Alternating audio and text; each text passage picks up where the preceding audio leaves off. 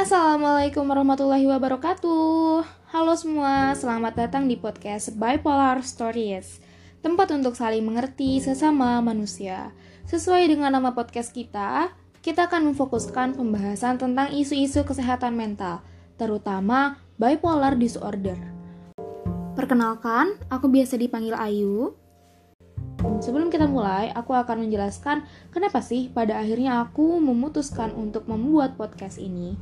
Sebagai klarifikasi sebelumnya, aku bukan seorang psikolog ataupun mahasiswa psikologi yang emang belajar dan mengerti banyak tentang kesehatan mental, melainkan aku adalah seorang penyintas bipolar disorder.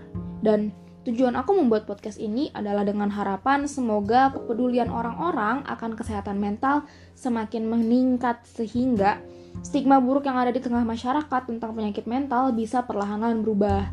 Sebenarnya, kalau boleh jujur nih, keputusan aku untuk pada akhirnya speak up di podcast ini tentang apa yang aku alami, apa yang aku rasakan, ini tuh membutuhkan waktu yang lama dan aku secara pribadi merasa khawatir sekaligus takut dengan stigma dan stereotip yang ada di tengah-tengah masyarakat. Bahkan dalam menjalani kehidupan sehari-hari aku tuh berusaha semaksimal mungkin untuk berperilaku senormal-normalnya manusia gitu. Karena ya aku nggak siap untuk menghadapi reaksi orang-orang di sekitar aku teman-teman aku ketika mereka tahu bahwa ternyata aku adalah seorang penyintas bipolar disorder jadi aku nggak siap untuk dibilang cari perhatian lah atau dipandang sebagai orang yang gila atau mungkin diperlakukan berbeda, merasakan diskriminasi segala macem. Jadi aku karena aku belum siap, jadi aku menutupi hal itu. Tapi semakin hari aku malah semakin sering berhadapan dengan hal-hal yang bikin aku merasa bahwa aku harus pick up, aku harus nerima diri aku sendiri gitu. Dan akhirnya aku gak bisa terus-terusan denial dengan kondisi aku yang aku alami saat ini gitu.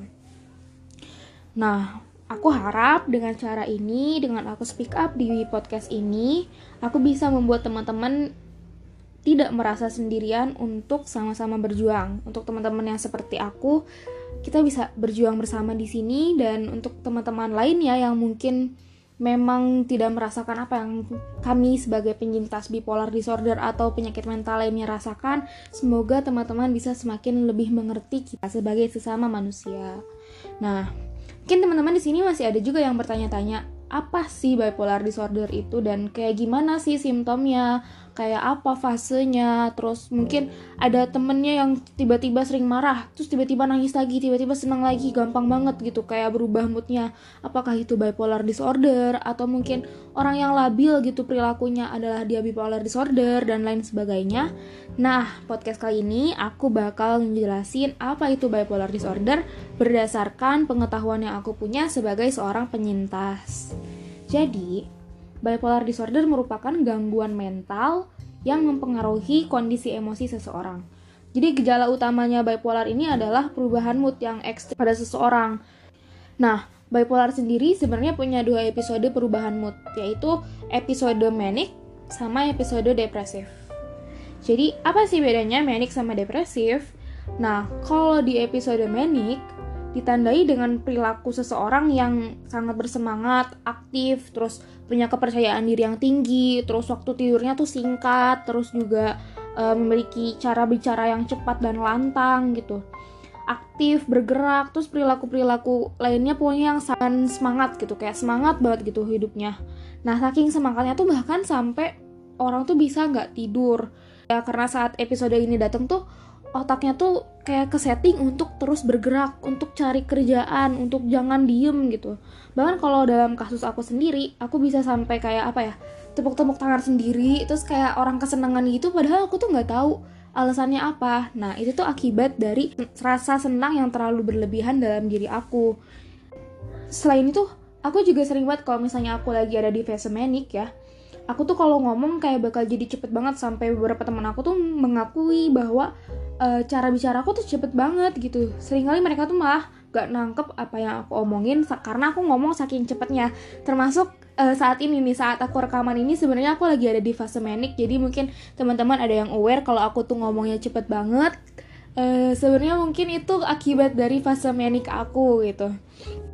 Dan biasanya kalau misalnya aku udah masuk fase manic aku itu uh, tidur jam tidurnya berkurang. Biasanya nih jam 11 itu aku udah tidur tapi kalau aku udah masuk fase manic aku tuh bisa stay awake sampai jam 3 atau atau bahkan gak tidur sama sekali. Dan ini tuh gak terjadi cuman di satu waktu aja berkelanjutan. Bisa sampai seminggu atau mungkin dua minggu kayak gitu terus pola tidurnya.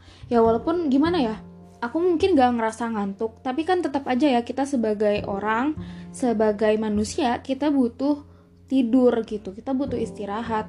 Karena ada orang yang beberapa beberapa orang yang bilang ke aku kayak lo bagus dong kalau lo ada di fase manic berarti lo jadi produktif lo bakal kerja terus nyari kegiatan dan segala macamnya. Nah itu tuh sebenarnya oke okay, let's say itu jadi produktif. Tapi tetap aja dong tubuh kita ini butuh istirahat tubuh kita tuh butuh tidur. Ibaratnya kayak lo nggak makan tiga hari lu gak makan sama sekali lu kuat. Tapi tubuh lu tuh butuh nutrisi gitu loh. Sama kayak istirahat. Dan sometimes uh, ketika aku ada di fase manic aku tuh bisa melakukan hal-hal yang impulsif sampai ya justru malah membahayakan diri aku sendiri gitu. Dan bahkan bahayanya nih ya kadang kita tuh nggak sadar kalau ternyata perilaku kita tuh impulsif gitu. Karena kita sendiri nggak nggak sadar kita kita melakukan ketika kita melakukannya gitu Nah, sementara itu, berkebalikan dengan episode manic, episode depresif itu memiliki gejala-gejala yang benar-benar kontras dengan manic. Kayak contohnya nih, kita bakal ngerasa sedih banget, kayak gak berdaya, putus asa, gak mau makan, hilang nafsu makan, terus lesu dan segala macam. Dan di episode depresif ini, orang akan gampang lebih gampang stres gitu. Atau malah the worst case ya, bisa mengarah ke suicide thought dan self harming segala macam. Dalam kasus aku sendiri sebenarnya aku juga sempat ngelakuin self harm di masa-masa depresi aku. Tapi di sini aku nggak bakal kasih tahu aku seperti apa melakukan self harming aku karena aku nggak mau malah jadi inspirasi orang lain gitu untuk melakukan self harm. Aku juga sering jadi menjauh dari teman-teman aku. Aku ngerasa minder yang berlebihan terus berpikir kalau aku tuh nggak berguna. Kenapa sih gue masih ada di sini? Kenapa sih gue harus dilahir dan lain sebagainya gitu. Kadang ya aku tuh saking overthinking ya di masa depresif aku aku sampai ngejauhi teman-teman aku karena aku tuh nggak mau melihat tingkah laku mereka yang sebenarnya mereka tuh nggak ngapa-ngapain nggak salah apa-apa tapi aku malah salah salah mengartikan tingkah laku mereka. Makanya aku lebih memilih untuk menjauhi teman-teman aku ketika aku ada di fase depresif gitu ya bisa dibilang masa-masa depresi itu adalah masa-masa paling berat gitu untuk kita jalani. Karena aku juga pernah ada di kondisi di mana aku lagi depres tapi aku dituntut untuk ikut ujian. Kayak no excuse lu nggak ikut ujian ya lu nggak lulus. Padahal di otak lu tuh isinya lagi mati mati mati mati mati gitu. Tapi lu dituntut untuk menjawab soal ujian sesempurna mungkin yang kalau lu nggak jawab ya lu nggak lulus gitu. Dan kalau lo mau bilang saya lagi ada di fase depres nih pak. Saya nggak bisa ikut ujian. Ya lo nggak lulus gak ada ujian susulan segala macam karena secara fisik lo lo tuh nggak sakit. Gue nggak ngelihat lo lem gue gak ngelihat lo demam gitu. Suhu tubuh pun normal. Tapi sebenarnya kita tuh sakit gitu dan kondisi-kondisi kayak gitu tuh nggak bakal ditoleransi sama siapa pun gitu. Secara penyakit mental ini nggak bisa dilihat oleh mata. Makanya kayak alasan aku salah satu alasan aku speak up ini juga biar orang-orang teman-teman tuh paham kalau misalnya kita itu mungkin kita nggak sakit secara fisik tapi kita tuh suffering melawan kondisi karena sejujurnya kita juga nggak pernah minta untuk kondisi itu datang ke diri kita gitu. Jadi untuk teman-teman yang sama-sama suffering kayak aku di sini, yuk kita berjuang bersama-sama. You are not alone and please stay alive. Nah, mungkin beberapa teman-teman juga mempertanyakan kali ya. Kalau misalnya uh, lu punya temen nih, terus temen ini tuh gampang marah, tapi tiba-tiba seneng gitu, tiba-tiba marah lagi. Nah, itu tuh bipolar gak sih? Perlu diketahui bahwa gangguan bipolar berbeda dengan mood swing. Jadi kalau gangguan bipolar ini, si episode-episode ini tuh berlangsung cukup lama. Kayak kadang satu episode bisa sampai berbulan-bulan, berminggu-minggu gitu. Sementara kalau mood swing itu kayak perubahan moodnya tuh cepet banget. Berubah moodnya berkali-kali dalam satu hari gitu. Cepet banget gitu. Aku juga pernah ada di kondisi kayak kalau nggak salah satu minggu lah kurang lebih. Aku tuh benar-benar gak mau masuk kuliah. Aku bolos semua kelas. Dan aku tuh cuman di kamar aja. Bahkan ya aku keluar kamar aja aku tuh nggak mau. Cuman di atas kasur bukan karena aku males bukan karena aku adalah kaum berbahan walaupun memang sebenarnya aku kaum berbahan juga gitu ya. Tapi bukan karena hal itu aku ada di atas kasur dan gak mau kuliah gak mau keluar kamar sama sekali tapi karena pikiran yang ada di dalam otak aku gitu loh. Karena aku lagi dada, lagi ada di fase depres. Jadi kerjaan aku ya cuman tidur sambil nangis bahkan mau tidur pun gak bisa gitu sebenarnya.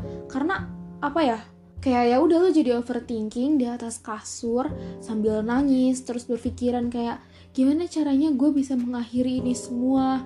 Gimana caranya biar gue bisa keluar dari semua kesedihan ini gitu loh.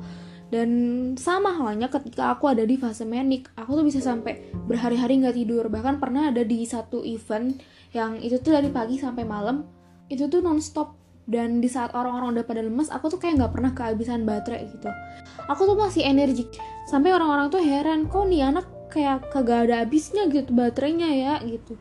Nah seperti itulah gimana penyintas bipolar disorder ini. Jadi kalau teman-teman ada punya teman yang gampang berubah moodnya belum tentu dia itu bipolar. Karena bipolar ini ketika untuk pergantian fase dia membutuhkan uh, waktu yang lumayan lama gitu.